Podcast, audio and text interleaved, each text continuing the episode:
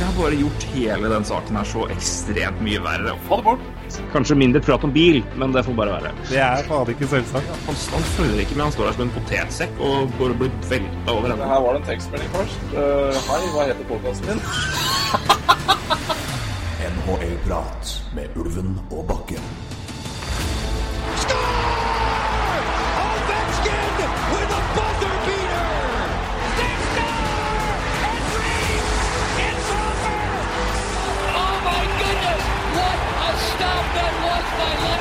I can't believe my eyes.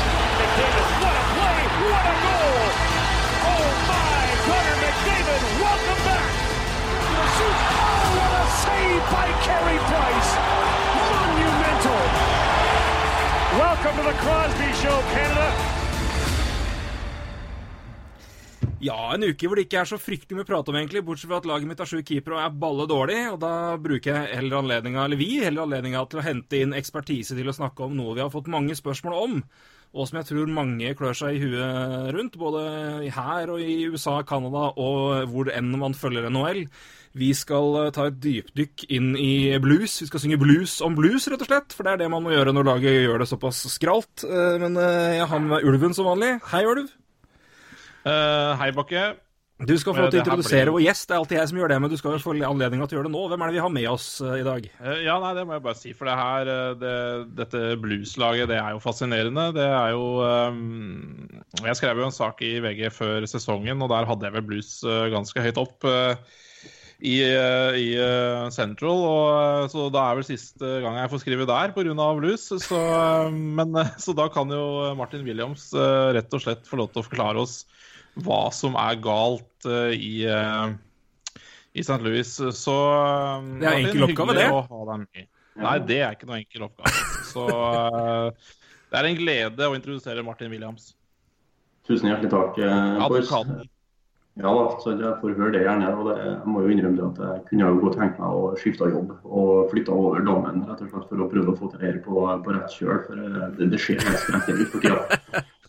Men, eh, men, men jeg, jeg, Jeg har tro på deg, jeg har tro på deg. på- Ja, jeg, er veldig usikker på hvem sin jobb jeg skulle ha tatt. Eh, er det en GM, eller er det en coach, eller er det, eller er det, eller er det en spillergruppe?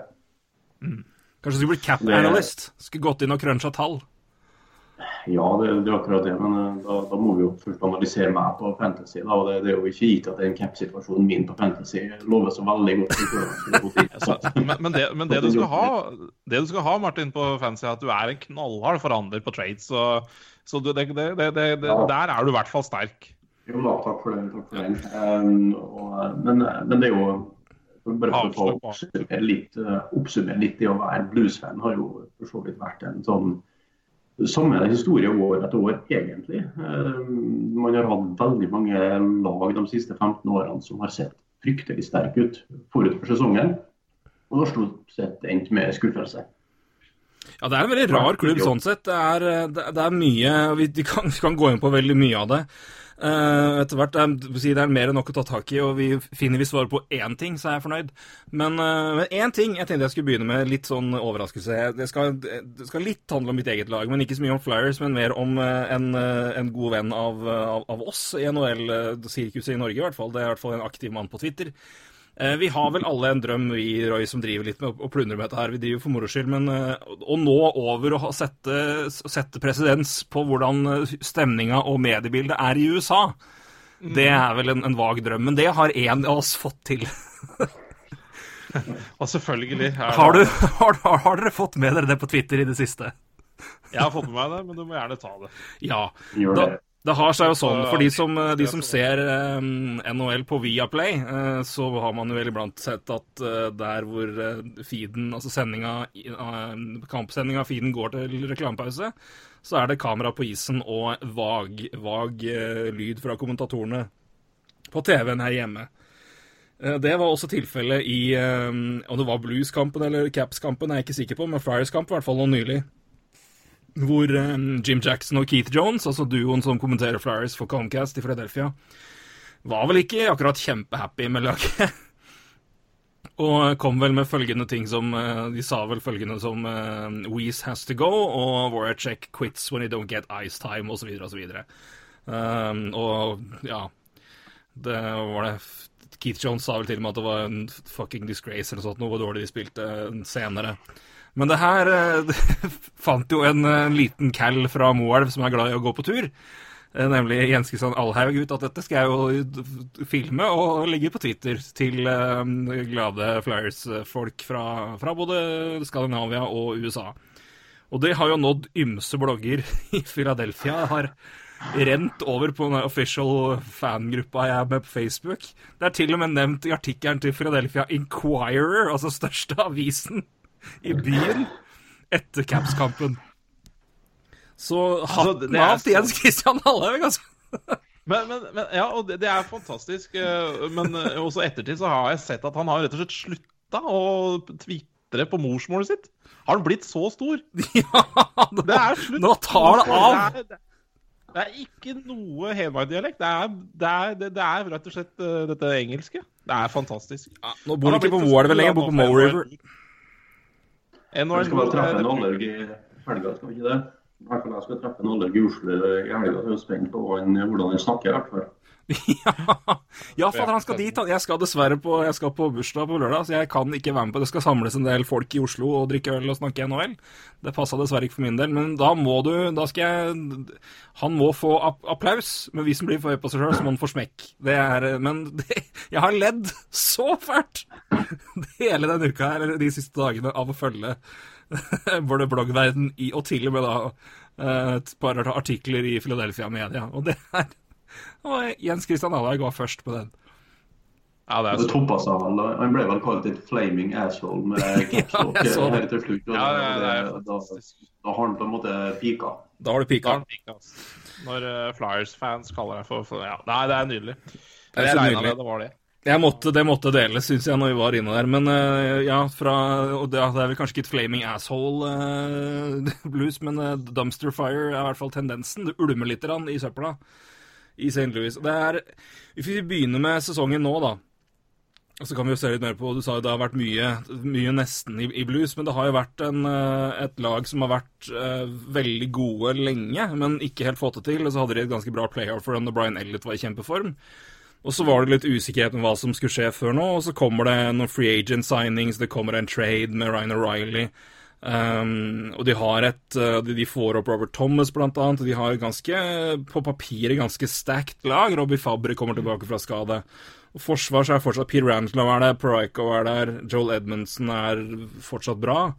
Um, og det er eh, Ja, det, er, det, det, ser liksom bra ut. Og vi, som Roy sa, det, vi tippa Blues høyt i Central. Jeg jo hadde tro på at Blues kunne sparke godt fra seg. Og så har det virkelig ikke blitt sånn. Uh, hvorfor er veldig enkelt spørsmål, Martin. Men hva er det du har sett som har vært det største problemet, da? Hvis, hvis man klarer å peke på én eller flere noen spesifikke ting, hva er det som har vært åpenbart mangelvare hos Blues så langt i år? Det, det, som gjør det litt vanskelig å bli klok på, er at det, det, er så mange kamper hvor det ser ut som de rett og slett ikke har møtt opp. Uh, og da ser jeg at Twitteren er veldig rask på å peke på innsats og på, uh, på gutt, den, den, biten der er veldig sånn enkelt. Men, men, samtidig så er det veldig mange spillere som ser fryktelig forvirra ut, uh, særlig defensivt. så der har de slitt utrolig mye. og så er det jo enkelte spillere som rett og slett ikke er i nærheten av å produsere på det nivået som de har gjort før. Ja, opplagte der er jo Vladimir Tarasenko. Det er kanskje det mest opplagte. Hvis ja. vi ser på hans stat, altså han, har 24 poeng på 40 kamper, 12 mål og 12 assist. Det er jo mm. Til han å være grusomt. Mm, mm. Ja, Schwartz er ikke det samme i år heller? Som, uh... Ja, Schwartz har 17 poeng på 28 kamper. Han har vært litt skada tydeligvis, da, men det er jo ja, jo, da, men, jo, jo, men Schwartz spiller på 60 kamper i året. da. Altså, ja, ikke sant. Han er det ferdig, ferdig med det. Altså, altså, det er sant. Mer enn det kan vi ikke forvente. Uh, egentlig. Men, men shorts er jo faktisk den som er helt skrekkelig å sitte og se på statsen. Shorts, jeg vet ikke om dere har vært inne og sett på historisk på skuddstatistikk, f.eks. på han. Mm. Han ligger jo jevnt over på 12-13-15 uttelling. Mm. Ja, det er jo dårlig, det er dårlig tegn, altså. Og Ja, altså, han ligger på mm, sånn, Gjennom karrieren så har han et snitt på 12,9 eh, I år Ja, Hva har han nå, da? 4,1. Ja. ja, OK. Ja, det, da, ok, Jeg trodde det var omvendt. Ok, ja, da, da, det er klart, da er det jo Da er det jo snikbit, snakebit, da. da. Det, Ja. Ja. Altså, men, men altså, han ser ikke like energisk ut som han har gjort før. Altså, han, vi har vært vant til å se han foretrekke hardt. Han har vært eh, på i sonen hele tida. Men, men, men nå, nå er han litt sånn i Han kretser rundt. Han er ikke inne i, inne smørøyet. Han kretser rundt den farlige sonen og, og, og, er ikke involvert sånn som han har vært tidligere. Eh, Tarasenko han, han er nærmest usynlig i kamper. Ja, det har vært sånn, jeg har ikke, jeg har ikke tenkt det, det, slo meg Jeg hørte han navnet hans dukke opp i en annen podkast jeg hørte på tidligere denne uka, hvor det var snakk om bare hvor lite han har vært synlig han har vært. Kanskje spesielt siste delen. da. At han begynte sånn passe Altså under paret til han å være, men, ikke, men siste tida har det vært helt stille. Og det slo meg bare Jeg har ikke hørt han nevnt én gang i år, fra oktober til nå. Det har, ikke, det har vært stilt i ja, fire måneder omtrent. Mm. Det er jo helt sjokkerende, egentlig. Jo, det er det. Og han har jo hatt en tendens til å, til å være veldig heit eh, i perioder. Skåra mye mål i, i, i, sånn, i perioder. Eh, men vi har jo på en måte hatt en liten følelse at OK, plutselig får han et mål her og et mål der, og så, og så løsner det. Men, men, det gjør ikke det. Han forsvinner ut igjen. Mm. Eh, og, og, og, det virker jo som om for siste del av fjorårssesongen nå var jo sånn gradvis svakere og svakere. Uh, og han fikk jo mye pe pepper mot slutten av fjoråret for at han var en av dem som ikke klarte å trø til litt ekstra når det begynte å dra seg til med den siste playoff-plassen. Mm. Forsvant jo der og, og røyk ut med skade og da et par minutter inn i siste kampen mot Colorado. Eh, og, og, så han ble jo gjenstand for temmelig mye kritikk der, og han har ikke løfta seg i det hele tatt. Nei, du får komme med noen innspill. Det er jo... Ja, nei, Det er fascinerende å se. Jeg, jeg måtte, måtte inn og se på de tallene til Schwartz. og Det er jo det er akkurat som du sier. altså Han er jo på 4,1% i skudd nå og har jo karrieresnitt på 15,1. Uh, skyter da han skyter da 73 skudd, uh, så sånn sett så burde han jo ligge 10% høyere. Og det er jo sju mål til med en gang, og da han ligger på 10 mål og 14 sist. Uh, ish, og da er, klart, da er det jo ikke langt unna der han kanskje bør være. Litt under, kanskje, selvfølgelig, halvveis, men, men det er jo um, Nei, men da er det omtrent på, hvis du sier det, så er det omtrent på ett mål annenhver kamp og en liten bit under poeng per kamp. Og det er jo, det er jo der Schwartz skal være, da. Den er jo ikke noe poeng for game-spiller historisk sett. Nei. Det er han jo ikke, men han har jo hatt en tendens til å logge oppunder et point per game samtidig som han har gjort rekkekameratene sine bedre. Ja. og nå, nå, er han litt der at hvis du skal være streng, så, så er han ikke noen av delene akkurat nå. Nei. Uh, nei uh, Det er jo interessant. Uh, og så er det selvfølgelig noe som vi må snakke om, og det er jo selvfølgelig keeperspillet. Det, det er jo, Blues har jo da tredje dårligste redningsprosent i fem mot fem, og det er klart det, det hjelper jo ikke det heller. Hva skjer, på, hva skjer, med, hva skjer med keeperne? Nei, det, det, var jo litt sånn ondt, sånn som i går, når, eh, sånn som når Dallas var på besøk her sist kamp. og Ben Bishop er der, og tenker at Han ble jo da gitt bort fra Blues mot et andrerundevalg fra Ottawa i sin tid. Ja, stemmer det. Et, andre et andrerundevalg som endte opp med om jeg tenker, Thomas Vanelli, tror jeg leste meg til. Det har skjedd mm. i, i dagen. Thomas Vanelli ble tatt med det andre rundevalget. Eh, samtidig som på en måte satsinga på de andre keeperne. Altså Carter Hutton ble jo ikke forlenga. Eh, det er jo selvfølgelig ikke enkelt heller å forlenge. Han er jo okay. altså, det holder i blues. Og, og Jake Allen var jo ikke lett å flytte, så, så det var naturlig for så vidt at Hutton mm. Må ta, finne seg en ny klubb, men, eh, men, Det var vel også en ganske klar gamble med Carter Hutton òg. Altså, det var, for å si det sånn, altså, han har jo bevist det så langt, i hvert fall i Buffalo, at han var jo at det han leverte i fjor, klarer han å opprettholde. Men jeg tror ikke det var veldig mange som var villige til å ta den risken når du ser på keeperspillet hans opp gjennom NHL-karrieren. Han var jo lenge stempla som blant de dårligste backup-keeperne i NHL, og nå er han jo en starter og gjør det bra. og Det er ikke, altså det skjer jo, men det, det er jo det er ganske risky å legge de penga inn i den, i den gamblinga der. Spesielt som du sier, når du ser på hva hva, hva, de, hva den lønna hadde betydd for Blues, for det er jo et lag som jobber tett, tett opp under capen. Mm. Absolutt. absolutt. Men, men, det har i hvert fall tradisjonelt sett vært en plass som blues har slitt, uh, slitt med. Ja. så tenker vi tilbake, så, så er det ikke så fryktelig mange keepere som har vært sånn soleklar nummer én i blues. Mm. Siden, altså, siden 6-97 så, så, så har det ikke vært mange som har holdt den plassen eh, år etter år. Eh, Brian Elliot hadde jo en periode og kanskje nesten den beste som jeg klarer å huske. Ja, det er jo det, men- men Halak og Turek og, og, og, og masse andre uten at det funka. Men en ironien i det er at Brian Elliot var jo strålende i perioder i blues, men problemet hans var jo at han omtrent aldri fikk tilliten når han var på sitt beste. Altså, Det er vel ett år han var førstekeeper og sto omtrent hele veien når han var knallgod, og så var det en eh, og så var han knallgod i playoff fram til tror jeg var conference-finalen, og da var det vel, ble det litt verre. Men det er det, og ellers så har han jo vært en fryktelig god backup. Og så har han dratt ut for å prøve seg i andre klubber, så har det gått til helvete. Det var jo, eh, Han gjorde vel det til Colorado, og Colorado gikk det jo ikke bra. Så så det, det, er jo, det er jo litt uh, problemet der, at Brian Helt var fryktelig god backup-keeper. Eh, eller en, en, jeg vil kalle det en B-keeper, og så var han jo god det ene året. Så, men så igjen kom Jake Allen, og Jake Allen var jo veldig bra. Og da kjørte de videre med han, det, men det, har jo falt helt i grus. Hva, hva. Det er jo. Jeg har forsvart han mange ganger eh, opp igjennom. For han, når han slo igjennom, så hadde han jo evnen til å stjele kamper. Han var jo knallgod i to år.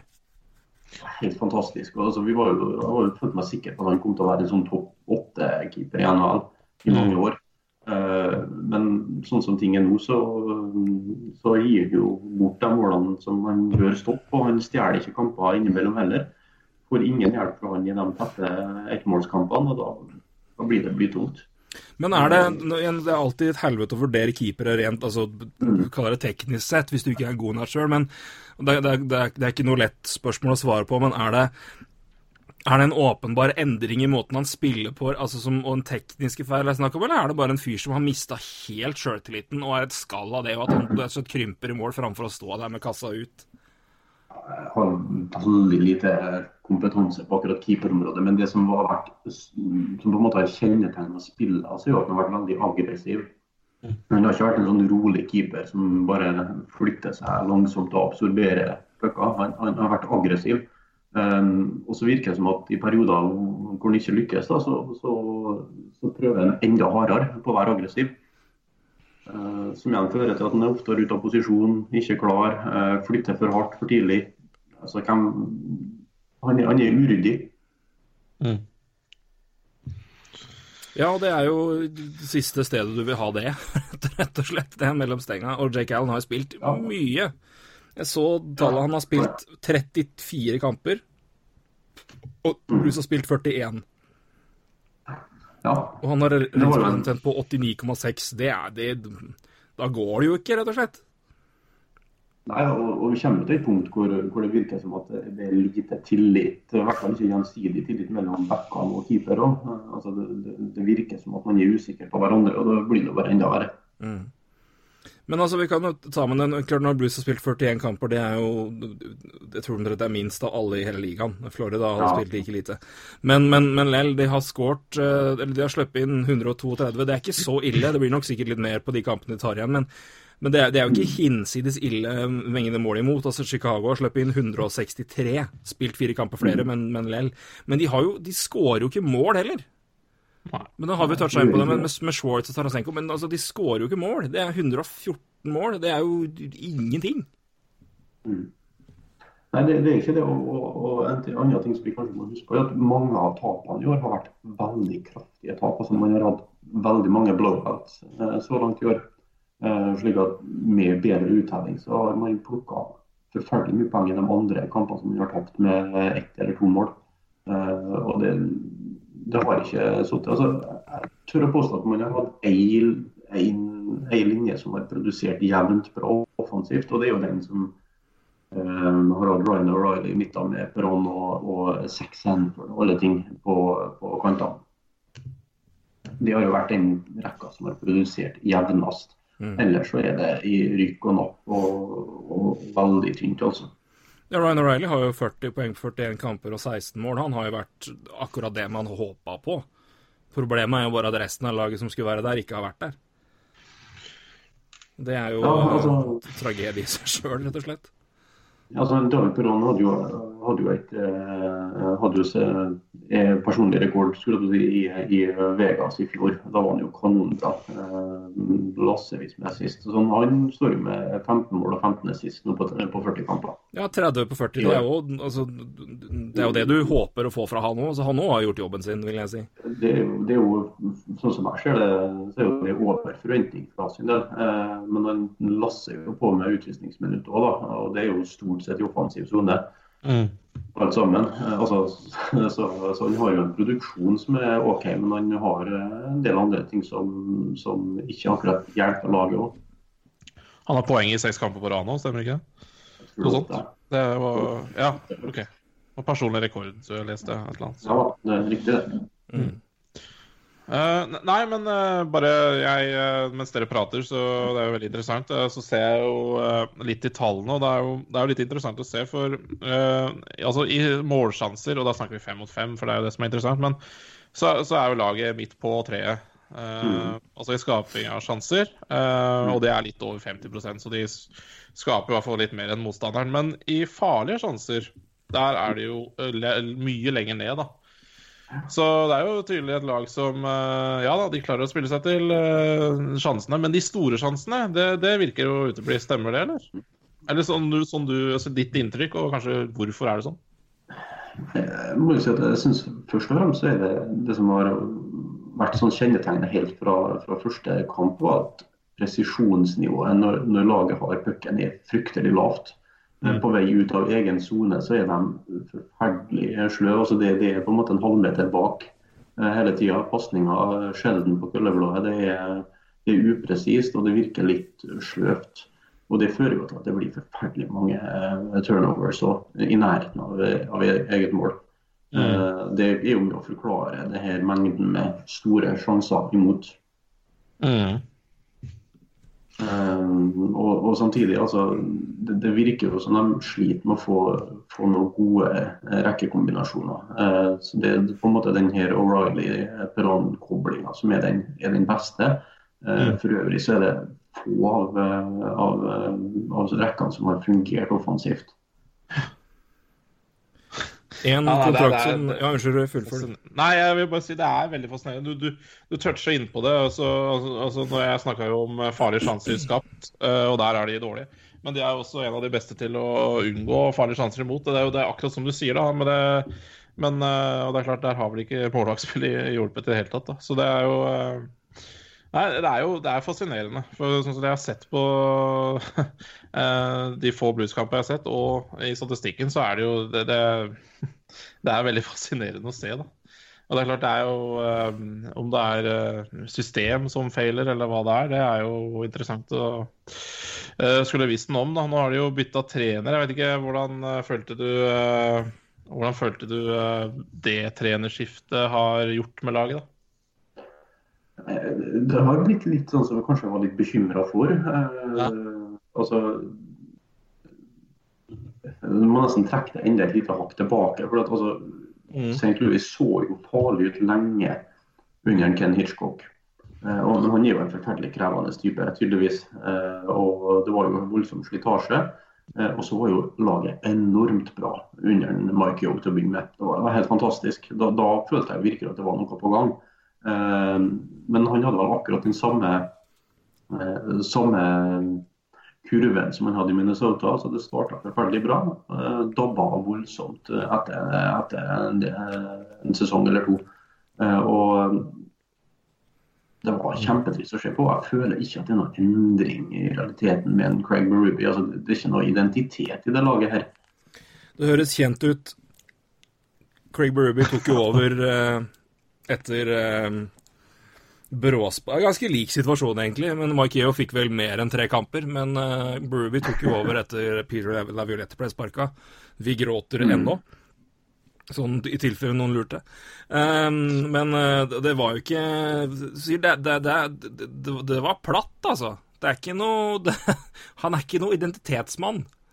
Og Det er litt merkelig med tanke på at han var en veldig veldig kaller det karikert spiller. Det var ikke noe tvil om hva han drev med, men nei, det er bland as fuck som trener, altså. Det er ikke noe, det, det kjenner meg igjen i det. Ikke at det er noe unisont at det blir samme måte på samme trener med, med forskjellige lag, men Det, det, det, tamt høres kjent ut, ja. Men det er klart det er jo tidlig å eh, sette to streker under det svaret, da. Men, men det er klart altså hvis det, hvis, hvis det fortsatt er Hvis, hvis det var på tampen av uh, tida og litt sånn uh, identitetsløs, og det har bare fortsatt, så er det klart det kan det jo hende at det, det problemet her stikker uh, langt dypere enn noe trener. Så Ja, og, og, og, og den pressekonferansen til, en, til Doug Armstrong når, når han eh, forklarte at Nyo hadde fått sparken, den var jo ganske drøy. Han gikk jo langt der i å, i å si at neste gang så er det ikke en trener som går, eh, det er spillere. Ja, ja. Ja, det ligger jo an til det, hvis vi skal snakke litt mer om, om er spillere og mulige trades senere. Nei, det er greit. Ja, altså det, var jo på en måte budskapet fra eh, Doug Armstrong den gangen. Eh, og, og, og det virker jo som at han Ruby har dratt det litt med seg. Han, han snakker enormt mye om accountability, altså at spillerne må, må stå til ansvar for, for prestasjonene. Og, og det har jo ført til sånn, noen merkelige beslutninger med, med hvem som blir scratcha. Eh, innimellom, altså Joel Edmundsen fikk jo, måtte jo sitte og stå over en kamp her nå eh, forleden uten at vi uten at vi klarer, liksom klarer å identifisere at han har vært noe verre enn andre. Han har skuffa meg også, for all del, men, men, eh, men han har ikke vært noe verre. Jeg vet ikke hva signaler det sender inn i gruppa at han på en måte blir ofra på den måten.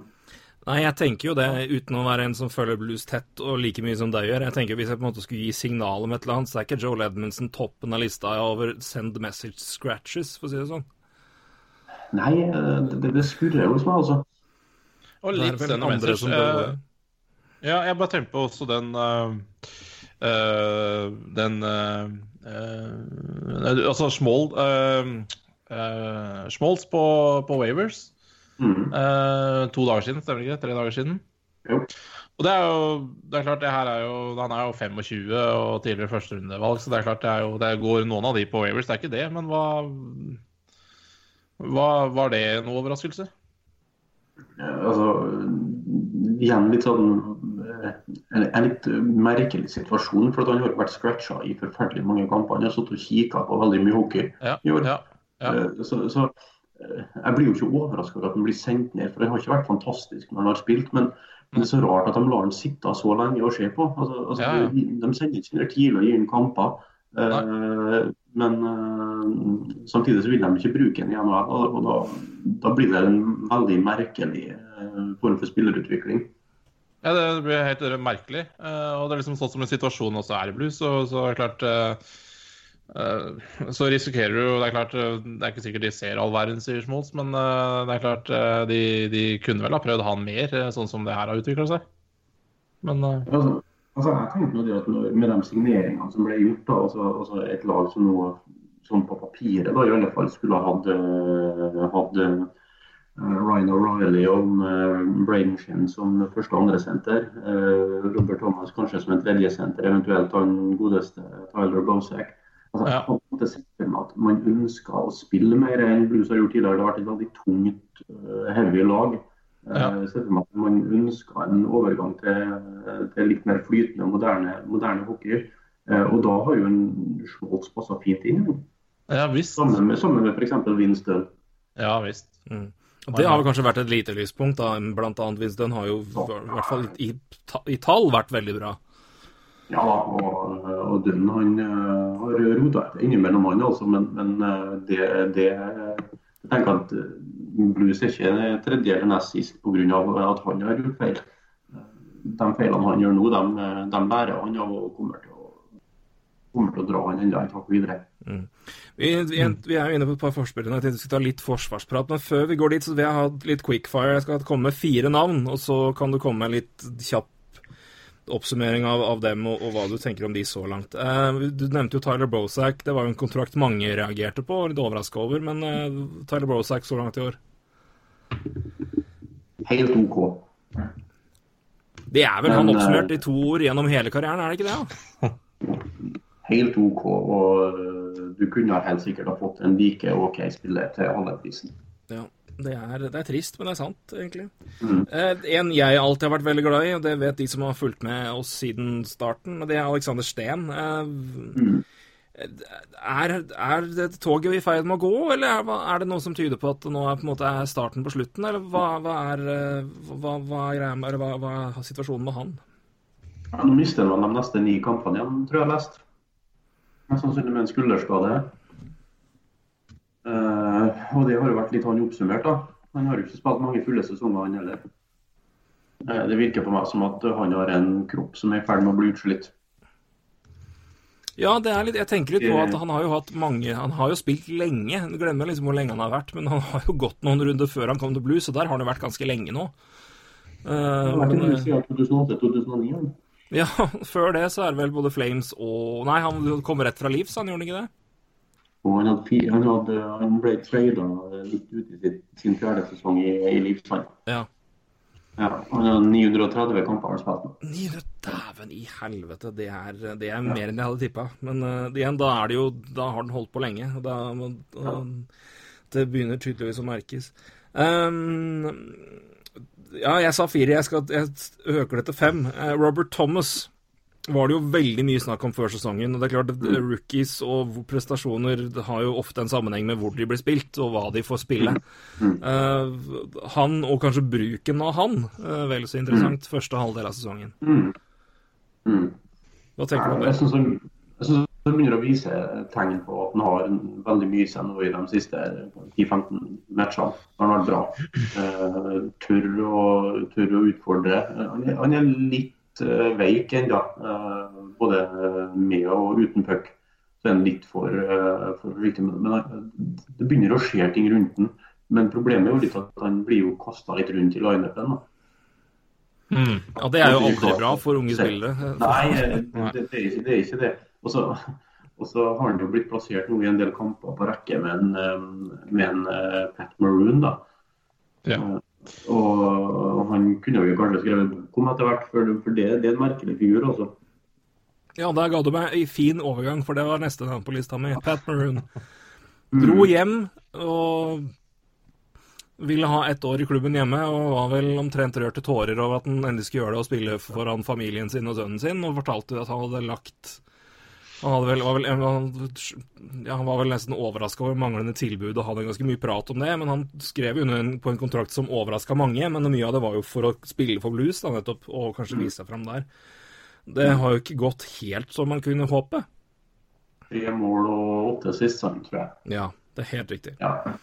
Og, og um, ja, altså, vi kunne jo ta, Bare for å ta det, da. altså Snakk om å drite seg ut altså det å på en måte hause opp en sånn signering, sant? det er så galt som, som Blues gjorde før, eh, før sesongen. Eh, jeg ble jo, jeg hoppa jo på karusellen jeg var helt super. på det. eh, Henrik Johansson, den andre norske bluesfanen, blues vi var jo helt i hundre begge to. Um, vi hoppa jo på karusellen, og, og, det har jo kollapsa fullstendig. Han har jo alltid sett veldig stor og tung ut, den Pat Murren. Eh, men så har han på en måte vært en effektiv spiller likevel. Eh, men nå er han bare stor og tung. Men er det men det er litt samme som altså, en annen variant av spørsmålet som Robert Thomas, men mm. de har vel også, kan, uten å vite det, men det kan jo ha mye med bruken av spiller, altså spillertype. Så han mm. skal jo stå foran mål, han er en Powerplay-fyr, og det er i Anaheim, så han var jo garbage man i Anaheim. Det var vel også det Edmonton når han gjorde det godt der. Hvordan er den bruken av han? Altså Får han, får han muligheten i de situasjonene der han skal være bra? da? Er en, er, eller er det også at han, som du sier, et lag som vil spille og, og være med flytende om og offensive, det er ikke han er ikke, han er ikke den spilleren heller? Ja, altså, altså Powerplay Blues var jo katastrofe i fjor. og Vi håpa jo på at han skulle komme inn og, og, og berge det nå i år. Og Det starta jo ganske bra. altså Uttellinga til Blues de første 25 eh, kampene var jo ganske OK. Um, men så har det dobba litt av. Han har hatt en rolle i første Powerplay og, og stått ved målet. og Stort sett prøvd og venta på returer. Men, men setupen ellers har på en måte ikke ytende rettferdighet. Det, det, skal ha, altså, det, det har vært uh, mye kritikk av det powerplayet, særlig pga. bruken av Tarasenko og mangelen på en klar og tydelig skytter som har, uh, som har fått pucka mot målet der Maroon har stått. Uh, så, så, han er litt unnskyldt akkurat det. Kommentar der, da? Ja, bare som kommentar til Maroon og Pawplay, så, så har han jo da Han har jo da 11 poeng i år, eh, og åtte av de er i Powerplay. Ja, I fjor hadde han, sju poeng i Powerplay, før det er Ja. seks og åtte. Så det er klart, det altså, det er jo ikke kanskje Powerplay hans øh, det er problemet med. Han spiller like mye Powerplay nå som han har gjort også, så, og litt mer. Så, Jeg sier ikke at det, ikke at det er et problem med powerplay hans. Nei, nei, nei, nei absolutt ikke. At, altså, jeg tenker at det er uførhetspotensial der. Han kunne faktisk hatt enda, enda mer. Ja. Eh, men, men sånn i bruken av en fem mot fem er på, på grensa til katastrofal. For den ja, det har jo den har jo tidvis blitt brukt på rekke. Da, ja, med bl.a. Robert Thomas. da. Eh, og det er jo på en måte litt trist når den ene spilleren allerede er på, eh, oppe i droppsirklene i offensiv sone, mens, mens Maroon henger igjen på egen blålinje. Mm. Så Nei, det... det- blir ikke angrepsspill av det, altså. Nei, det er jo Hills Oilers-fans med Lucic og Conor McDavid. Ja. I, Ja, litt, litt tregere former, men. Ja. Sistemann jeg skal ta før vi skal se litt på, på, Forsvaret som helhet. og Der er det jo en del interessant prat utover bare laget òg, men hva som eventuelt skjer framover. Men én spiller som vi får si endelig er tilbake, og det at det kanskje ikke har gått så bra, er vel mulig å forsvare med at han knapt har rørt en puck på to år. Men Robbie Fabry er jo endelig tilbake, men har vært litt skada her og der også. Men eh, hvordan er han Er det noe tegn på at han kan komme tilbake der han var, før det helvete med skader begynte? Eh, Ja, det har ikke vært så veldig mange tegn til det så langt. Eh, Men igjen, jeg syns mye koker ned til bruken. Og vi er tilbake til litt det som vi snakker om med identitet. altså Spillere som du kanskje ser for deg kunne hatt kjemi. Uh, Fabry, Thomas sammen f.eks. Altså, det, det, det skjer ikke. De blir ikke brukt sammen. Uh, De blir spredd rundt. Altså, Gi en Fabry minutt i fjerderekka. Det det har ikke så forferdelig mye for seg. Nei, det er jo ikke der jeg ser han bør være, nei. Det skal si, si meg enig i det. Det er jo, ja, det, det er jo synd. Ja, det er det. Eh, Men for all del virker det som at spilleren i seg sjøl har gjort en vanvittig innsats for å, for å komme tilbake. Mm. Det, det virker veldig, veldig bra. Eh, Men, eh, men dessverre da, så har han ikke helt eh, fått uttelling. Og så var han jo litt uheldig og fikk en liten sånn ekkel skulderskade nå eh, litt ut i comebacket. Ja, for han hadde et lite opphold der. Så han har jo spilt Ja, 19 kamper så langt, og det er så han har spilt halvparten Ja. omtrent. Ja da, med et opphold i midten. Ja. Sånn at det på en måte åpne ti kamper først, og så har han spilt ni etter at han kom tilbake igjen. eller noe Ja. sånt, og det, så, så, han, så han leter fortsatt etter flyten, da. Det er jo sånn sett forståelig, i hvert fall med det oppholdet i midten der. Um, igjen, jeg synes vi skal flytte, flytte oss litt bakover i laget, og det er jo et, et par interessante navn der, for å si det mildt. Jeg tenkte vi skulle begynne med én spiller først, og så er det to opplagte vi står igjen med. Um, Jay Bowmister har jo vært en, en uh, bauta i NHL lenge, uh, og lenge er jo et, et opplagt ord her. Mannen er blitt 35 og um, var jo på sin tid smooth skater. var jo Veldig mye av hans ferdigheter gikk jo på evnen til å bare Og han var jo en, en elegant på skøyter. Uh, hva er Jay Bowmister nå? Ja, altså, Hvor mange kamper var det Jay Bowmister hadde på rad den gangen? Det var, jeg, jeg, jeg husker ikke, men det er du, Jeg skal søke imens. Skal vi se. ja, du begynner mens jeg, mens jeg prater. For så vidt, altså, han, det var jo forferdelig vondt å se på Jay Bowmister tidlig i sesongen. Eh, altså, han var uheldig med alt. Eh, han hadde jo en hofteoperasjon, en hofteskade på slutten av fjoråret. Eh, som gjorde at han sannsynligvis ikke fikk trent så mye og så eh, aggressivt som han ønska på sommeren. Eh, og han var forferdelig eh, på etterskudd eh, når sesongen begynte. Han hang ikke med i det hele tatt. I tillegg så var han skrekkelig uheldig. Altså det var Pucka traff en i hodet og gikk i mål, og de traff hælen og så gikk i mål. og det var Alt var feil. Altså, jeg, tror, jeg tror på en måte at de, han, eh, han eh, Darren Pang eh, han eh, hadde jo en sånn eh, liten eh, rant i en pause, han òg, på en kamp her, eh, som ble fanga opp i en reklamepause. Eh, hvor han ikke hetsa han Bowmister, men han bare telte opp. For han hadde notert seg hvor mange mål Bowmister hadde vært sist på. Mange mål, eh, altså mål mot Blues, som var sist nye Bowmister. Og han hadde sju i løpet av de første 15 kampene. Satan. Det er jo Altså, helt altså, usannsynlig. det Ja. skandale, synes jeg. Og, og så ble han jo scratcha i noen kamper. Um, men, men de siste 15 matchene har vært fantastiske. Han har vært steingod. Ja, det er godt, for det spiller alltid altså- likt. Nå har jeg, nå har jeg for så vidt funnet, funnet rekka her. Det begynte 6. mars 2004 og slutta 22. november 2014 og er på 737. Den åttende lengste Ironman-streak i NHLs historie. Uh, Phil Kessel kommer nok til å passere den uh, snart. Han har 729. Uh, han har vel ikke Phil Kessel har ikke, har ikke missa en kamp siden de første tolv kampene han hadde i, i Toronto. Han sto med en skulderskade. Siden det har han spilt hver kamp. Så han Han er er dårlig trent, da. Dårlig trent. Eh, åtte kamper bak, da, så han kommer til å passere Bowmister. Så åttendeplass nå, men det blir snart niende. Men, eh, men lell, det er jo en sinnssyk rekke, som du sier. Men da, da står han der og blokkerer skudd i 700 og noen av kamper. Eh, og og det, det, det har nok helt sikkert kroppen merka. Eh, men, men, men altså, jeg, jeg synes han, har- han har kommet seg til siste. Jeg kan ta med en, en detalj til, som er bare tegn på at uh, i bildet av Jay Warmister ikke akkurat verdens heldigste mann. Uh, mm. av, av alle måter å bli skada på på en sånn streak, og sier har blokkert skudd på skudd på skudd. Uh, streak, streak ended as a result of a lower body injury believed to be from stepping on a crack on the ice. Ja, du, det stemmer det. Han, han, han var på vei for å, for å bytte. Stemmer det. Han var på vei for å bytte, og så satte han foten ned i en liten krakke, en liten sprekke i isen. Det er helt Det skal ikke være mulig, vet du, at det ryker der. Haff a meg. Nei, da har Men, det, det, er jo en, det er jo en veldig ærlig spiller som tydeligvis er godt likt i gruppa. og en med andre, så, så det er jo fint at han kommer tilbake. Uh, men igjen, hvis vi da på en måte detter over på det som har med å, å, å, å ta ansvar for resultatene osv., så, videre, så så er det jo litt kjedelig når de som kanskje er fremtida, blir ofra før. Uansett. Ja, og det er jo en et, et, eh, Ikke det man helst vil se, det, er- det skjønner jeg veldig godt. Eh, Men eh, da er det, vi har pratet om Bowmister, to navn som står igjen da. Den ene er eh, øverst på lista over eh, tradebate til TSN. Det er Colton Pareko. Den andre er det også snakk om eh, skal eh, være i snakk om trade. Så det er eh, Alex Peterangelo, en eh, tidlig kandidat til Norris i fjor, i hvert fall her hos oss. Eh, to strålende bekker på hvert sitt vis, men eh, noe er tydeligvis ikke som det skal være. Eh, men hvis vi begynner med Colton Preco, da. Mm.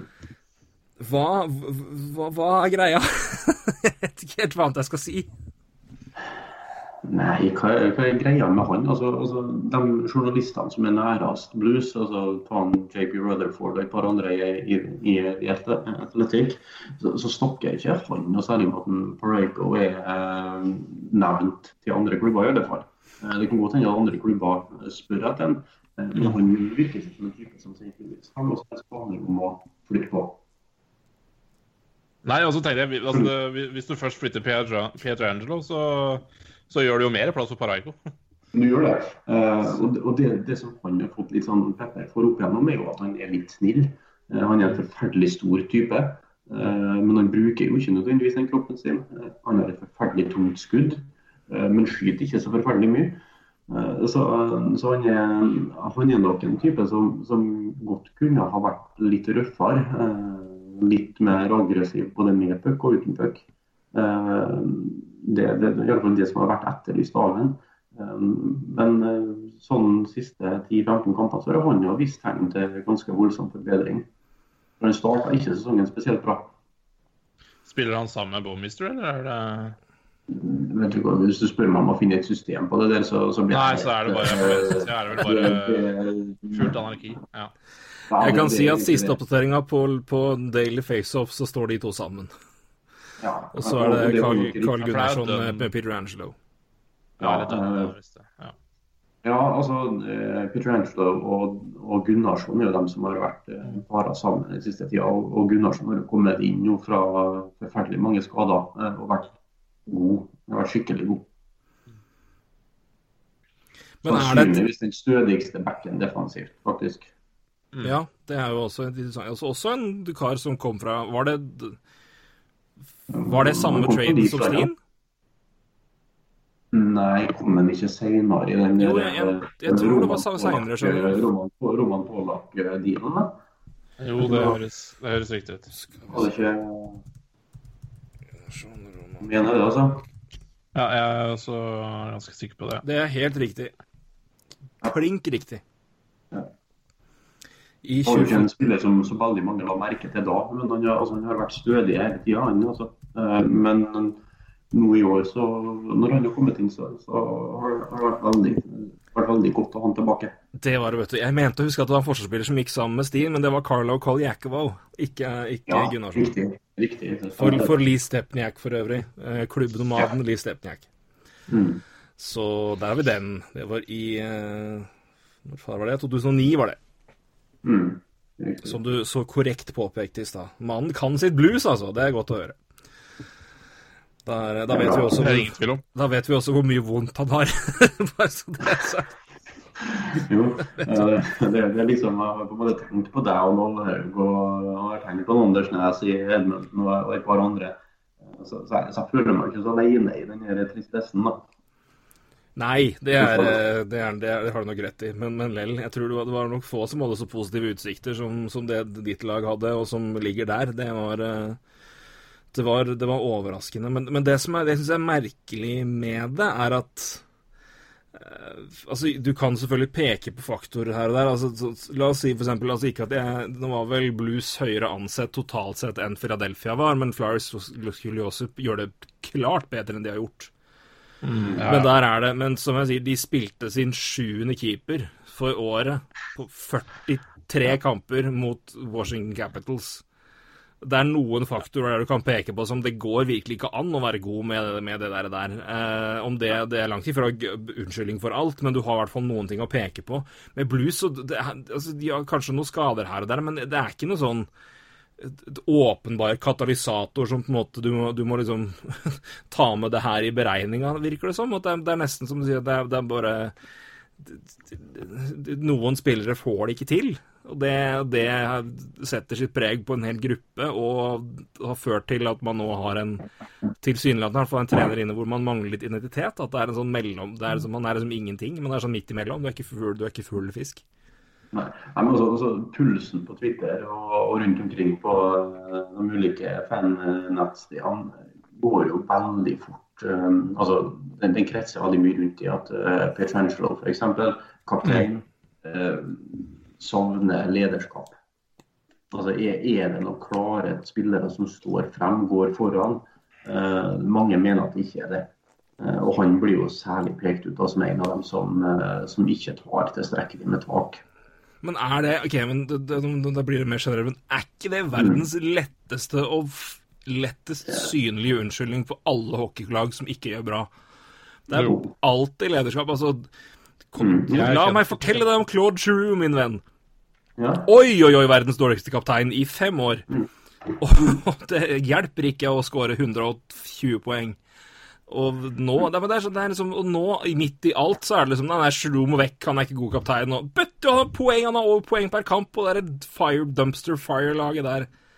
Og det, og, og det, du følger jo Peter Angelo mer og kan se mer og med, med det, men å på en måte henge ut én mann for det Jeg vet altså Det er mulig det stemmer. altså det er klart Du trenger lederroller, du trenger det, men hvis du ser på laget og se hvem de har der. Du har Peter Angelo, og du har jo Bowmeister, du har Ryan O'Reilly, som har vært her erfaring, og det er eh, Jeg og Sverre hadde jo en, hadde jo en god debatt om hvilken rolle han, hva han har å si for et lag. Eh, Jeg mener jo han er en finfin mann, men eh, men det er jo nok av veteraner her, så det, så, altså, men, og det ser du jo i, i forskjellige lag og som sliter og som leder. Så jeg, det, det er mulig, det er godt mulig det, det, det, er, det, er, det er sannhet i det, men det er jo en unnskyldning som ofte jeg, det, jeg roper ofte 'ulv, ulv' når jeg hører den, for det er, det, det er, det er veldig Ja, lett nei, å falle ned på den. Det er jo hockeyunnskyldning 101. Og, og jeg, jeg, må innrømme at personlig så ser jeg ikke at, at det er der skoen trykker, altså bare så det er sagt. Eh, Det, det er en ting som je- jevnlig dukker opp. Det som er litt sånn tragikomisk, er jo at som regel når det kommer opp, så kommer det i neste setning med en henvisning til en situasjon for fire år siden hvor Jamie Benn velte en Petrangelo bak målet, og fansen etterlyste at Petrangelo skulle ha slått den ned. Altså, det er på en måte det er den situasjonen man kommer tilbake til.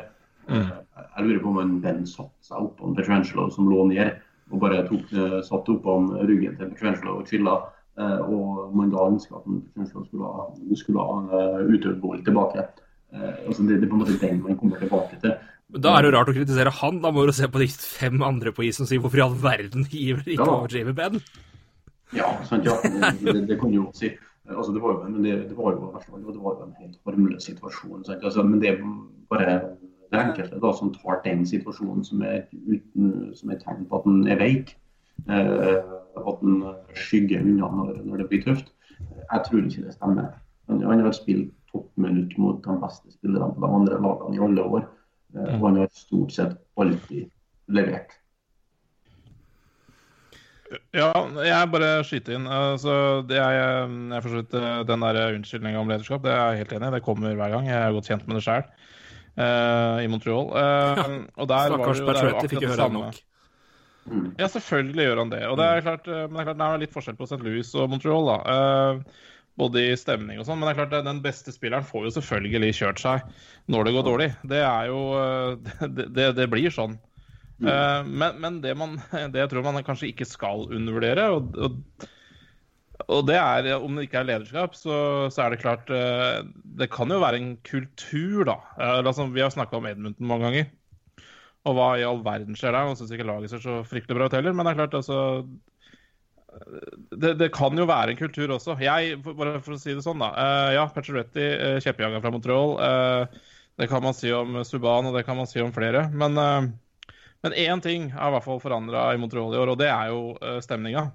Og det er klart, det, og det å bare gjøre forandringer, det, det, kan jo hjelpe, selvfølgelig. Så kan, selvfølgelig lederskap får skylda, skylda veldig fort, og ofte så er det beste spillerne. Men å gjøre noe med stemning For det kan jo være stemning, ikke sant? Og det, det, altså blues, det bluesaga skal jo ikke være så ræva. Ja. Men så er det også Nei, men det, men det jeg også tror som er litt farlig, da, og som jeg tror vi ser en del lag ofte gjør, og det er det jeg er litt Men jeg, jeg tror ikke det er så mye fare for at det kommer til å skje i Philly nå, hvis du tar samme situasjonen pga. at det er ikke Men eh, men det er jo vel så mye til en undervurdert faktor hvis du havner i en sånn bit at lag er Det største problemet er crisis of conference. Altså, du ser spillere altså, det, det, det håndteres pucken, det, det er dårlig håndtering, og det slurves med ting og tang. og det er, det er for meg Jeg ser det og tenker ofte at her er det sjøltillitsproblemer. Og det er sånn, hvis du ser på bare ja. Iblant så kan du bare ikke forklare det. Altså, det er sånn, Se på Avalanche, da, som var historisk crap. Mm. Og så er det ikke så mye som Ja, Duchene blir borte, da, men, altså, men, men, det er jo mer eller mindre mye av samme kjernen som er der. Og så brått, hei! Gud og gode vi er.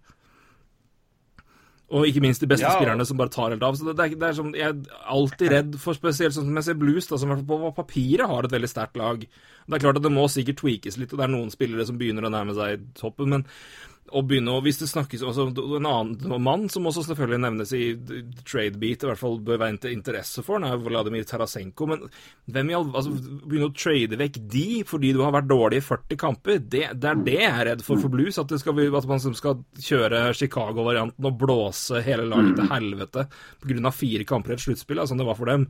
Eller her 40 kamper igjen, eller 60 kamper igjen, så sesong hvor ting ikke funker at det skal på en måte være med å sette presedens for et lag som egentlig er mye bedre, men bare har slitt akkurat nå?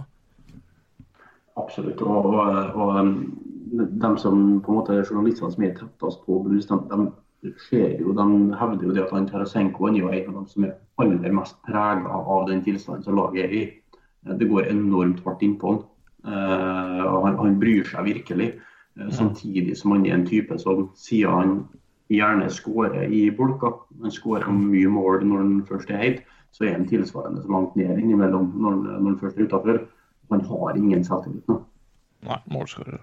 Det, det, det, skjer jo. og det, det, blir litt sånn typisk at uh, han, uh, han er så oppsatt nå på at den pucken skal helt opp i krysset for å få den unna keeperen, og så går de utom. Det, det, det er et eller annet sånn hele tida. Mm. Ja, Det er jo interessant, men, men jeg, ja, jeg, er jo, jeg, er jo, absolutt fan av at man ikke skal rive ned et lag heller. Men, eh, men det er klart, det er noe, jo, noe bør jo skje. fordi eh, Å ja. ikke gjøre noen ting med det fantastiske laget her, det blir jo som å Ja.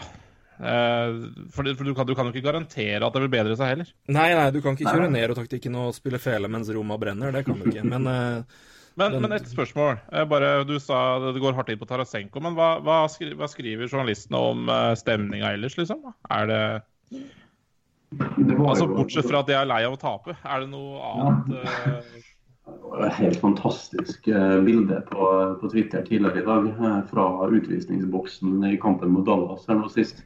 mm. Uh, andre periode starter jo med at en, eh, Robert Bortuso får en utvisning etter åtte sekunder. Overraskende. Andre bare ja, sånn, det var helt da, sikkert blitt fyra på en i pausen. og sånt, ja. Gå ut på en killer og, og ta dem, og så, og så får han en to minutts utvisning for en knetakling. Eh, og så går det 15 sekunder inn i penalty killen, så får han seks Sanford utvisning.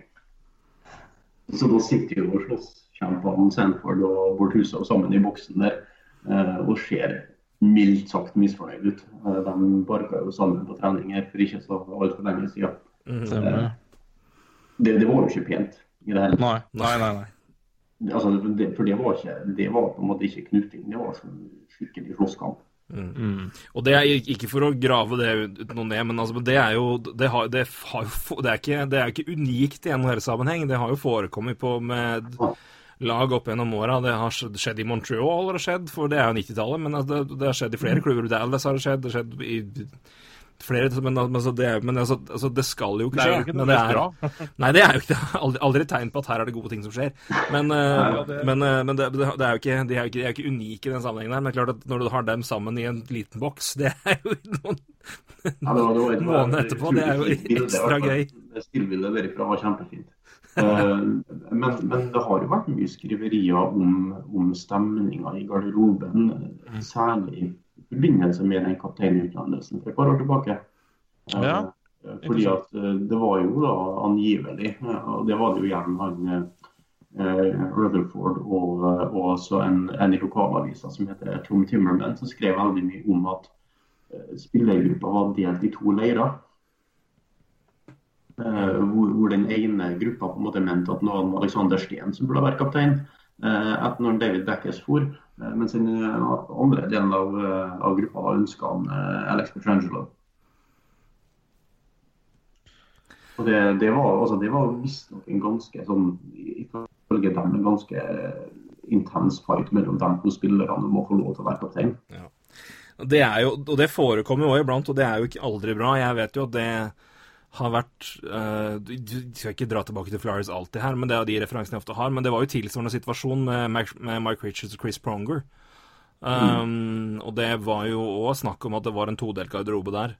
Eh, og Det ble jo effektivt løst for at Mike Richards ble trada, og Chris Pronger aldri har spilt hockey igjen etter å ha blitt så fordørva skada både i øyet og med hjernerystelse. Stakkars mannen er jo omtrent blind på ene øyet. Men, eh, så, men, men det er jo utgangspunktet der er jo aldri bra. og det er klart at det, det kan jo være en eh, Uten å dra tilbake leadership igjen, men det, det, det er jo ikke eh, altså En delt garderobe der, det er jo det er jo ikke Det er aldri bra sånn sett. Ja, og en av de spillerne som på en måte var nærest han Steen oppi det her, var jo Steve Watt.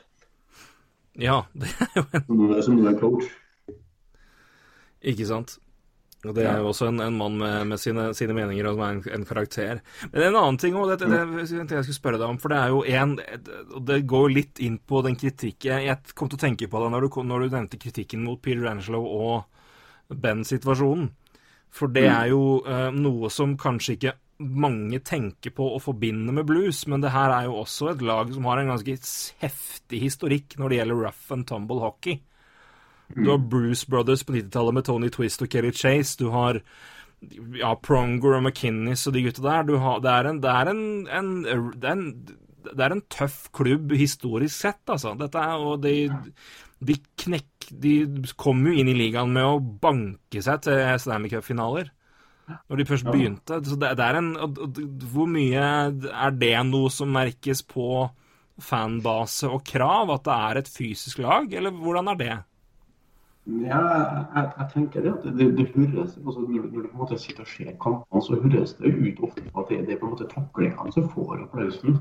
Eh, Det, det, det merkes faktisk. Altså det, er da det publikum er, er gira. Eh, og det er jo den, der, den hockeyen der som har gitt blues eh, suksess, da, i den grad man kan snakke om suksess. Altså, sant, ja, de har jo som regel vært OK i grunnserien, og så har de røkket mot Chicago i playoffs. Men det året de endelig slo ut Chicago i playoffs, så var det jo med den her tøffe hockeyen. Da var det jo han eh, Troy Brower og eh, David Backes og, og kompani som leda an. Mm. Så det er jo det fansen husker som har fungert. Men da kommer vi tilbake til, identitet igjen. Hva er det det laget her er for noe nå? De er ikke et rough and tumble-lag, sånn ut ifra rosteren. Nei, og det er en utfordring, det. Og det er, men, det, men det vi også skal Som eh, jeg har si, venta på en anledning til å ta lenge, og er jo å ta opp, er jo at St. Louis og området der har jo blitt en eh, det, den, det området der, og Brett Hull har nok mye ansvar for det.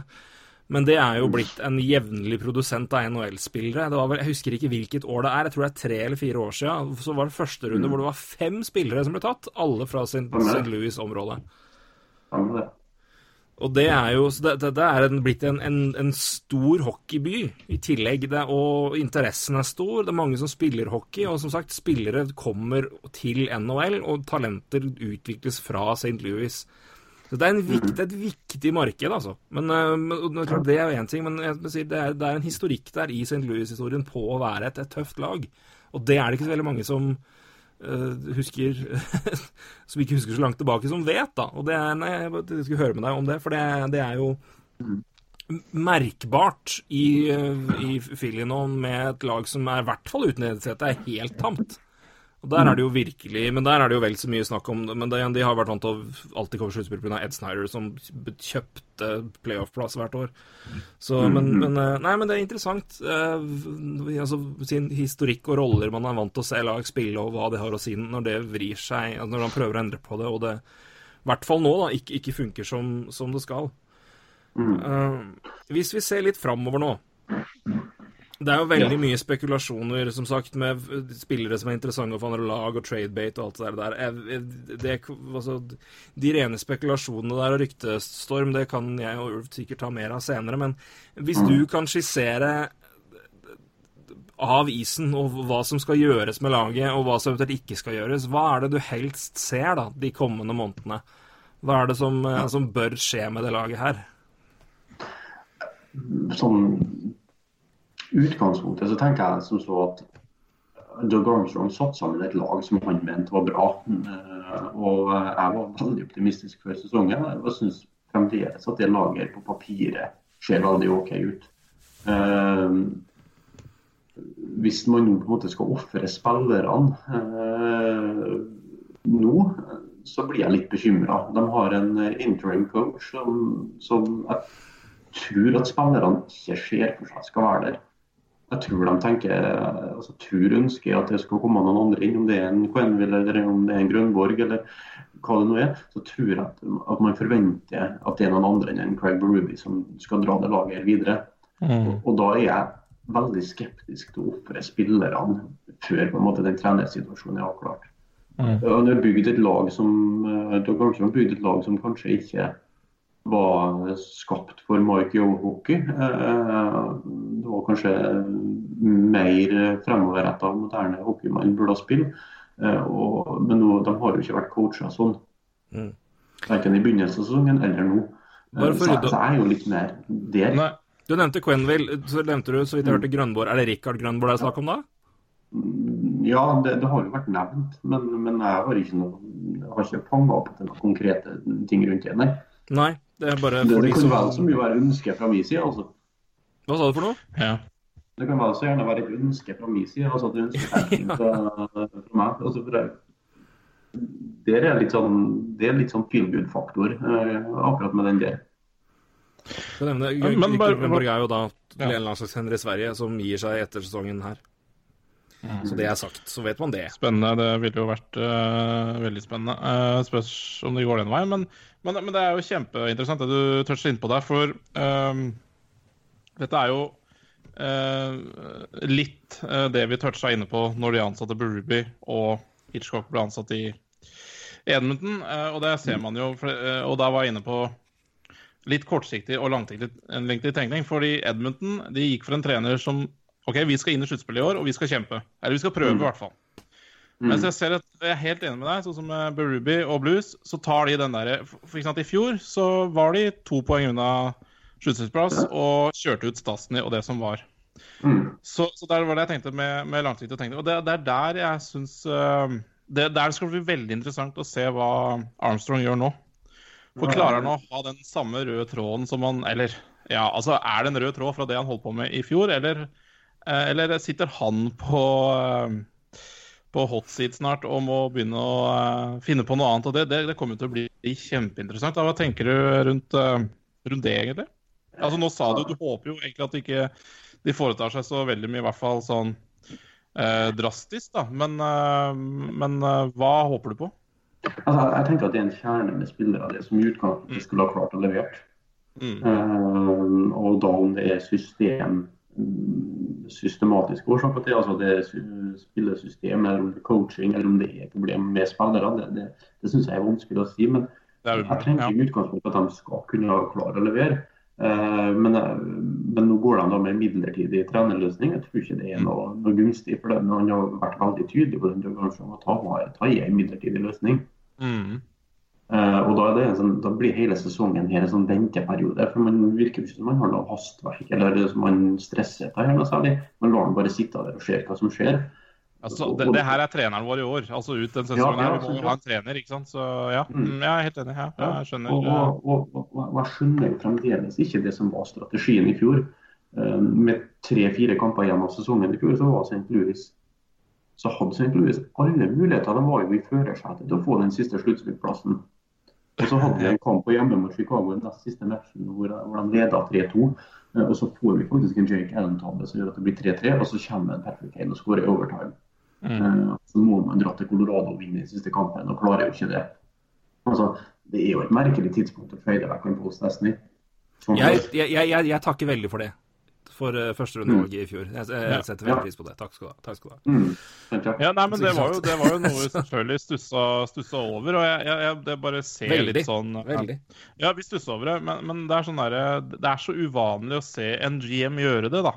Og, altså en GM som egentlig uh, For mange GMs sier jo Kommer vi oss inn i sluttspill, så kan alt skje. Det sa ikke Armstrong i fjor, for å si det sånn. Det var, Nei, og det er jo altså, ja, det, er, det, det, det tror jeg men det, vi, vi snakka om det at altså, vi, vi, vi, skjønner det ikke, men jeg, jeg mener og husker det at jeg jeg syns i hvert fall det nå, at sjøl om det er rart, så er det veldig beundringsverdig å se en GM som ja. gjør en analyse av eget lag, og står så hardt på den. Og gjør det han mener er riktig for klubben på lang sikt, framfor å, da, å unngå å få den tynen og hetsen han vet vil komme. da. Fordi det er en eh, kontroversiell og uventa avgjørelse. Så ja. Og... Jeg har bare en sånn ekstra kommentar til det, fordi, eh, fordi um, uh, En referanse til Montreal, og det er jo Mark Bertrand har vært den typen som har sagt uh, Kommer vi oss inn i sluttspill, så kan alt skje. Mm. Han hadde pressekonferanse i går og sa at det skal ikke Altså sa omtrent det stikk motsatte. Han kommer ikke til å mm. ofre noe framtid for å bare komme seg inn i et sluttspill og kanskje ryke tidlig, da. Så det er, det er, litt, det er litt sånn interessant å se egentlig Bare Budgeman har kanskje forandra seg i løpet av et år. Det er mye som har skjedd der i løpet av et år. Men, eh, men Armstrong, altså, det skal bli litt interessant å se hvordan den klubben uh, Altså hvordan den approachen blir. Uh, så, så, Blues er jo, det har vi sagt i mange uker nå, er, blir jo en klubb å se på. Uh, om, om, det ikke skjer noe der, så er det fortsatt, er det fortsatt et viktig poeng hvis det ikke skjer noe. Så, så det er jo mm. veldig interessant. Altså, jeg, jo, må jo si at jeg er jo så heldig at jeg får lov til å sitte i, i styret i Kristiansund ballklubb. Uh, vi er jo Eliteserien og det vi snakker mye om, er den kulturen fra spillergruppa opp gjennom trenerteam, administrasjon opp til styret. Man må tenke likt i, i veldig stor grad for å ja. få, få, få spikra ting. Og, mm. jeg tenker det at Tenk tilbake til den Stensny-feilen i fjor. Eh, fordi at mm. Det, det var ikke noe katastrofe, sånn som jeg ser det så, på et vis, men jeg syns det var merkelig når det skjedde. Eh, men, men, jeg vet ikke om dere husker hva Braden Shen sa? Jeg skulle til å kommentere det. Ja, det er et kjempepoeng. Han, han, han, sa det Shen umiddelbart. Han har jo for så vidt uh, vært litt røff mot en sten og i et par kommentarer nå i år. da. Eh, så Han, han snakker jo inn når han vil. Uh, men det han sa i fjor, var det crazy one, two, one or two points out, move a guy that does a lot for us. Sånn. Ja, for hva gjør, det her, hva gjør det her med spillere som er vinner... uh, altså det, det her er jo vinnertyper. Mm. De har ikke kommet seg til NHL for å, for, for å tape. og det, det er klart det, det, det gjør jo noe, det må jo gjøre noe med spillergruppa også. Og, og det her var jo en gjeng som var veldig tett. altså en, Ja. Stasny var vel forlover sammen med Shattenkirk i bryllupet til en Sten. Og, altså, det var en gjeng der som var veldig close. Uh, som, og, eh, og som på en måte de, de strakk seg til det siste eh, poengene for å nå playoffs. Eh, og, og så mister de på en måte bestekompis og ja, han er jo født og oppvokst i St. Louis òg, sant ja? Eh, Eller han er oppvokst i hvert fall. Eh, altså, det, det gjør så mye sannsynligvis med gruppa eh, at selv om eh, altså, Det kan fort være den traden som kosta dem sluttspillplass i fjor, sånn sett. Ja. Ja, og igjen så skal, vi- skal vi legge veldig mye i det. Det her blir veldig spekulativt, men skal du se på at spillergruppa på en måte på et eller annet punkt ikke funker, og det er noe feil der Du kan jo være veldig spekulativ og si at det er en, det er en faktor som har vært med å spille inn på det. Hvis du skal trekke det på andre sida igjen da, og se på, se på det. Så jeg vet ikke, men det er klart at det er jo som du sier, at når det er en sånn når det, For jeg husker Braden Chen sa det, og det er, det er jo igjen andre delen av det effekten som da si, Det er beundringsverdig, det Doug Armstrong gjør når han har den analysen, men så er det jo da signalet det sender til spillere. Og igjen fader, fryktelig mye Flyers-paralleller her i denne sendinga her, altså. Men det var jo eh, Flyers henta jo Peter Marasek i fjor fordi Og Hextall sa det, de gutta, det laget her fortjener muligheten til å kjempe om en playoff-plass. Derfor gjør vi den traden. Ikke at det kosta dem noe prospects og i all verden. Tredjerundevalg var det vel med noen mulighet til opprykk til Nei, det var fjerderundevalg, kunne bli tredjerundevalg, og kanskje andrerundevalg ble vel tredjerundevalg til slutt. Men det var jo, han sa at det er ene og alene en move som gjøres fordi det laget her fortjener muligheten om å kjempe hele veien inn til en sluttspillplass, for da var både Elliot og Noivert skada. Eh, Så det var jo si, kontrasten til det, da. Eh, ikke at det hjalp fryktelig på den gruppa inn i år. Men, men eh, Nei, men det, er jo, altså, det, er jo merkverdig, som du sier, at når, når det er en kommentar fra, fra Braden Shen etterpå, at det er jo åpenbart noe som ikke Sjøl om det kanskje ga mening på papiret langsiktig, så sitter jo vi sitter jo og vurderer uh, cap-friendly og f- prospect og mulighet for å tenke langsiktig sånn sett. Vi tar jo ikke garderoben inn når vi sitter og analyserer det her, i hvert fall ikke ofte. Uh, men det er jo åpenbart en faktor som spiller inn. Når Braden Chen gjør, kom med den kommentaren, så vi, vi prata jo om det, og jeg husker jo det. Jeg tenkte på det rett før du sa det. Ja. Jeg, jeg, jeg syns at den var, den var, litt, eh, den var litt merkelig. eh, For, for jeg, det, det, man kan jo gjerne tenke at ok, det kan være greit å, å bomme på playoffs og få et høyere draftvalg, sånn, men det er jo en gang artigere når laget ditt vinner. Og det er nå en gang mye artigere når laget ditt spiller i playoffs. Uh, så på en måte har det vært en tydeligere strategi, har det vært tydeligere at de ikke ville nå sluttspillet i fjor, så har jeg forstått det. De gjør ikke det nå. Um, men men den sesongen som er her nå, den, den virker jo å forsvinne helt nå. Uh, Så nå, nå er det jo uh, Jack Hughes, uh, St. Louis Hughes, som heter. St. Louis Hughes. Jeg er veldig, veldig glad i er veldig, veldig glad i Det var uh, videreføring av et forsøk på Det var kampen om, kampen om Jack Eichel prøvde Steve Dangle å døpe til The Jack Off for et par uh, år siden. Den er fornya nå, så nå er det Jack Hughes, og nå er det faktisk The Jack Off. Jeg, jeg, jeg prøver å innføre den så godt jeg kan. Det Høres ut som noe helt annet. Ja, det er akkurat det. greit. Men eh, jeg, nå skal jeg ta et fryktelig sidespor, men du nevnte det jo. Hvordan er det å være styremedlem i en eliteserieklubb, gitt? Nei, du, Det er artig, det. Uh, vi, er- jo heldige. altså Vi har jo ikke så mye turbulens rundt oss. Vi da. Vi har jo ikke akkurat hatt noen tradisjon for å sparke trenere og gjort andre ting som uh, trekker til seg oppmerksomhet. Nei, Ja, men det må ha vært et ganske morsomt år i år, i hvert fall.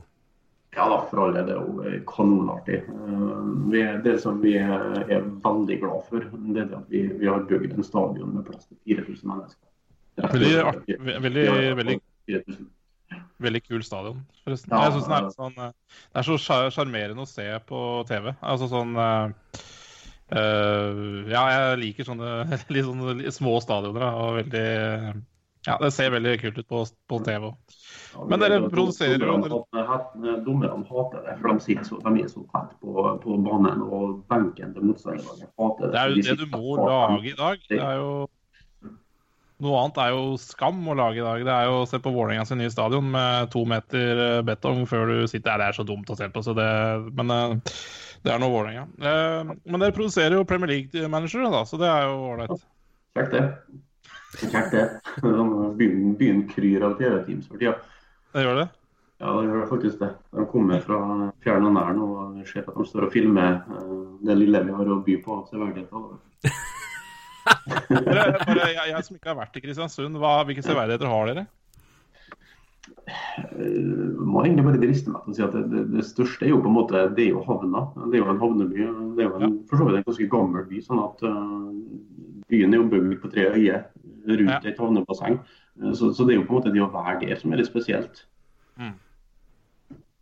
Så, men jeg føler meg litt sånn uh, Det var ikke sånn uh, opphaussing av eget hjemsted. Men det, det, det, det, det, Nei, men Dere er sindige på Nordmøre, er dere ikke det? Det er et sindig folk, er det ikke det? Det ikke, skal ikke skrytes for mye. Nei, helst ikke. Helst ikke. ikke sant? Det er et lite sidespor der, altså. Litt sidespor der. Jeg skal dra det elegant tilbake. Eh, men eh, en eliteseriekamp i Kristiansund bør vi få til, Raida. Det hadde vært hyggelig. Ja, det, er jo vært hjertelig velkommen. Eh, Da har vi måttet få et bra opplegg. Vi har jo, vi har jo pub på stadion, det må vi ikke glemme. Oi, oi, oi, oi, Som det altså er mulig å se fotball samtidig, eller er det det DNB har den, den er faktisk nødt til å stenge i pausene, men den åpner eller under omgangene. Men den, den har åpent inntil ti minutter før kampstart, og så åpner den igjen rett etter kampstart. Ai, ai, ai, ai, Eh. Eller etter kampslutt, sorry. Etter kampslutt, selvfølgelig. Her blir det litt uh, stemning da. Ordner det. Her blir det tur. Eh, Kristiansund er litt så det passer bra. bra. Nei, det, det høres veldig veldig gøy ut. Men uh, vi skal tilbake til blues, og vi har snakka litt om, om laget nå og videre til, nå på, på våren. Eh, Jeg skal, vil se litt lenger enn det, for det er, jo en, eh, det er jo noen interessante folk som kommer til. Vi har jo prata om uh, Robert Thomas har kommet opp. En uh, mann forsvant til Buffalo. Det var Tage Thomas, men, Thompson, mener jeg. Men, men det ligger jo noen interessante karer og venter i, i kulissene her. Um, Jordan Curiew er jo med her. Klim Clint Costin, ikke minst, har jo virkelig vært ålreit eh, siste. Og det, man tok jo Dominic Bock sist, så er det jo en annen forsvarsspiller som det nevnes om i, i håndhavner. Han er alltid med i hvert fall samtaler på prospect-lister om det, det, men det er Jake Wallman. Men eh, hvordan er eh, framtidsutsiktene og spillere som er på vei inn? For det er jo det er, det er, kanskje ikke, det kanskje ikke det største mengden, men det er noen klare spillere i hvert fall som er på vei inn i laget her. Det er jeg ikke noe tvil om.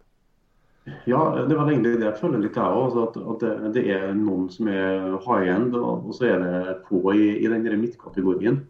Eh, altså der virker jo spennende, men, men så har jeg jo forstått at han ene forsvarsspilleren som han tok i drapen nå sist, en Scott Perunovic, har jo virkelig gjort det bra i college. eh, sånn som jeg har forstått det. Eh, og, ja, altså, og, og det er jo en veldig liten sånn Tory Krug-aktig aktig figur eh, som, eh, som ser veldig spennende ut. Mm. Eh, Jordan Carver var, var god når han kom opp, han også. Eh, men, eh, men han tror jeg leide veldig av det samme som Thomas sa, at han blir flytta opp og ned eh, i rekkene. Og, eh, og, og, og den identitetskrisen som har vært i blues, har jo såra mulighetene hans. Ja, Ja, ja. ta, ta, kjapt, Ja, altså bare- siden du nevnte Perunovic, bare ta statsa hans veldig fort. Han hadde 36 poeng på 42 kamper i fjor for um, University of Minnesota Duluth i NCAA, og har 18 på 18 nå, så det er jo en uh, Produksjonen der er veldig ålreit, i hvert fall.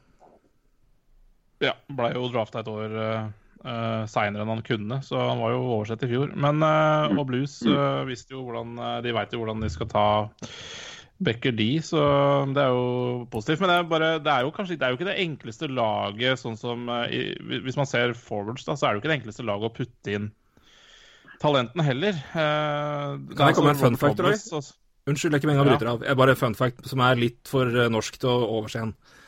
Hva, Eh, hva, hva, hva er fun facten? Fun facten eh, på Scott Perunovic er at før han dro til NCAA, spilte han en sesong i USHL for Cedar Rapids Mm. Rough Riders, samme klubb som Scott Winkler spilte for i USHL.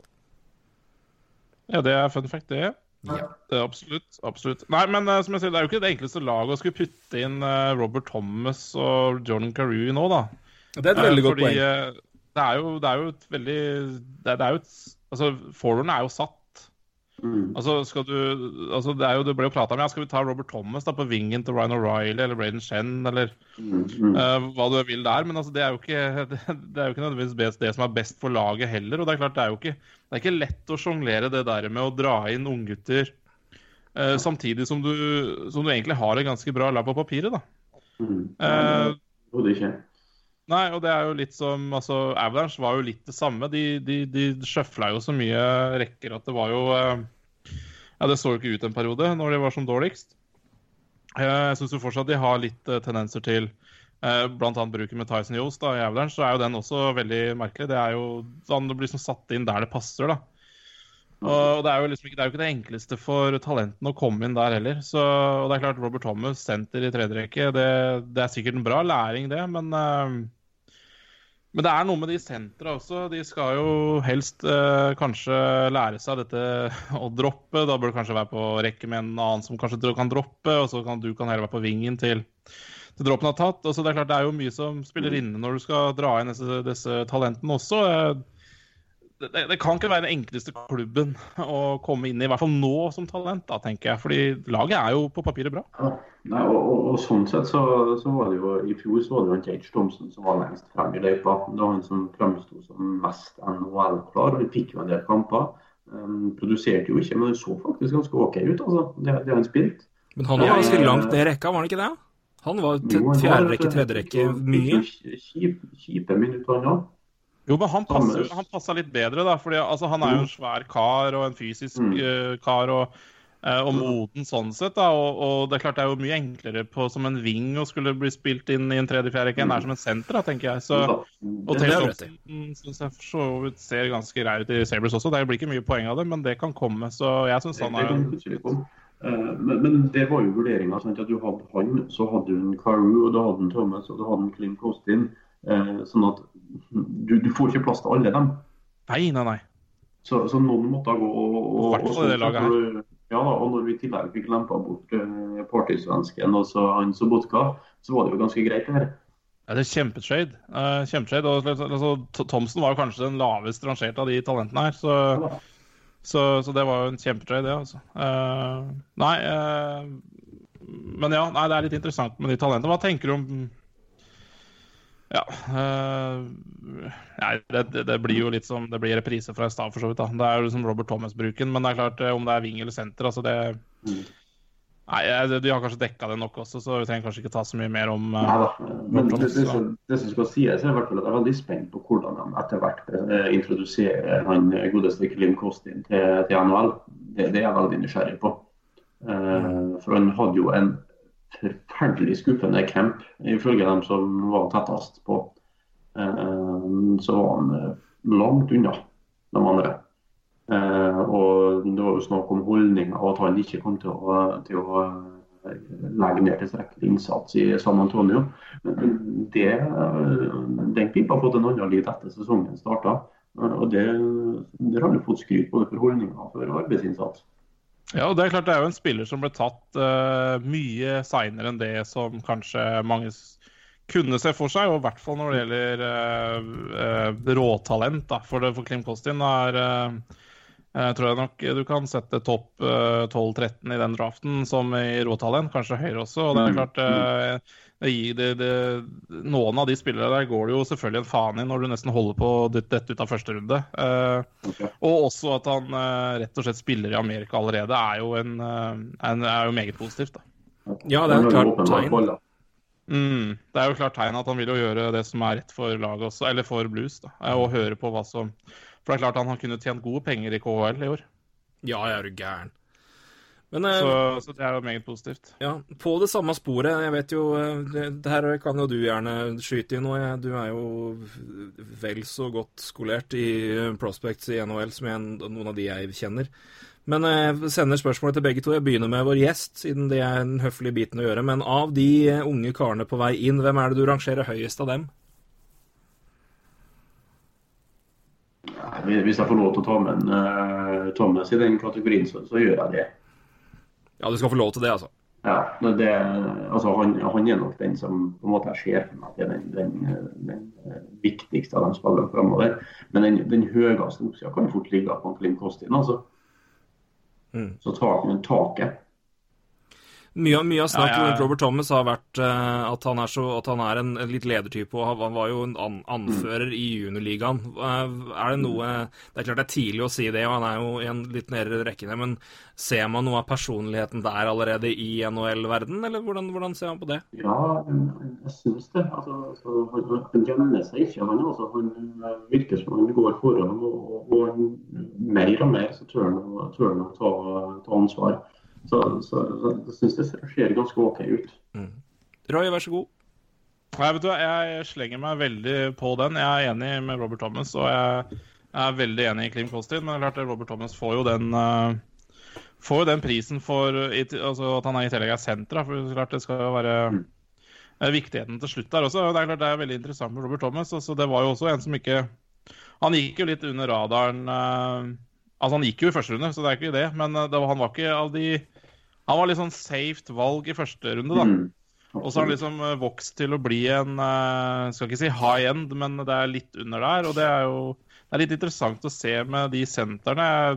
Um, um, årets MVP i uh, junior-VM, Ryan Peeling, litt det samme. Uh, gikk jo også uh, 25 i første runde og bare sånn Ja, OK, det er en safet valg, da det blir en tredje senter, liksom. Og så plutselig så blir det MVP i junior-VM, og så er det høyt opp på alle mulige prospect-rankinger. Så det er, jo, det er jo interessant å se hvor fort eh, det svinger der også. Da. Og det er, liksom, det er farlig å hype opp de gutta her også, fordi det er klart de, eh, de var jo ikke høyt tenkt med en gang. altså De var et safe valg, men ikke så, Men eh, Robert Thomas ser jo eh, unektelig veldig bra ut, og jeg tror Klim Kostin også er jo er kanskje litt uh, X-faktoren da, uh, i en draft. Mm. Så det, det kan jo gå i alle retninger. Uh, men Det som du sier, det. høyest tak, det tror jeg du har helt rett i. Gutter, jeg føler jeg har lært mye. Jeg føler vi har fått snakka om veldig mye. Og jeg føler vi i hvert fall har fått skrapa godt i overflaten på det som skjer, i hvert fall det vi kan si noe om med, med det laget her. Um, for å si helt til sist, Martin, det er jo et, et, et lag som nå er det er, det er jo ikke vært den høsten man hadde forventa, men eh, er du fortsatt positiv på lang sikt, eller, er det, eller har man begynt å tvile der? Hva, hva, hvordan, hvordan er det hvis man på en måte ser bort fra skuffelsen nå, om det går an å, å se på det laget man, man følger og er glad i og har fulgt en stund? Hva, hva, hva er det du sitter igjen med?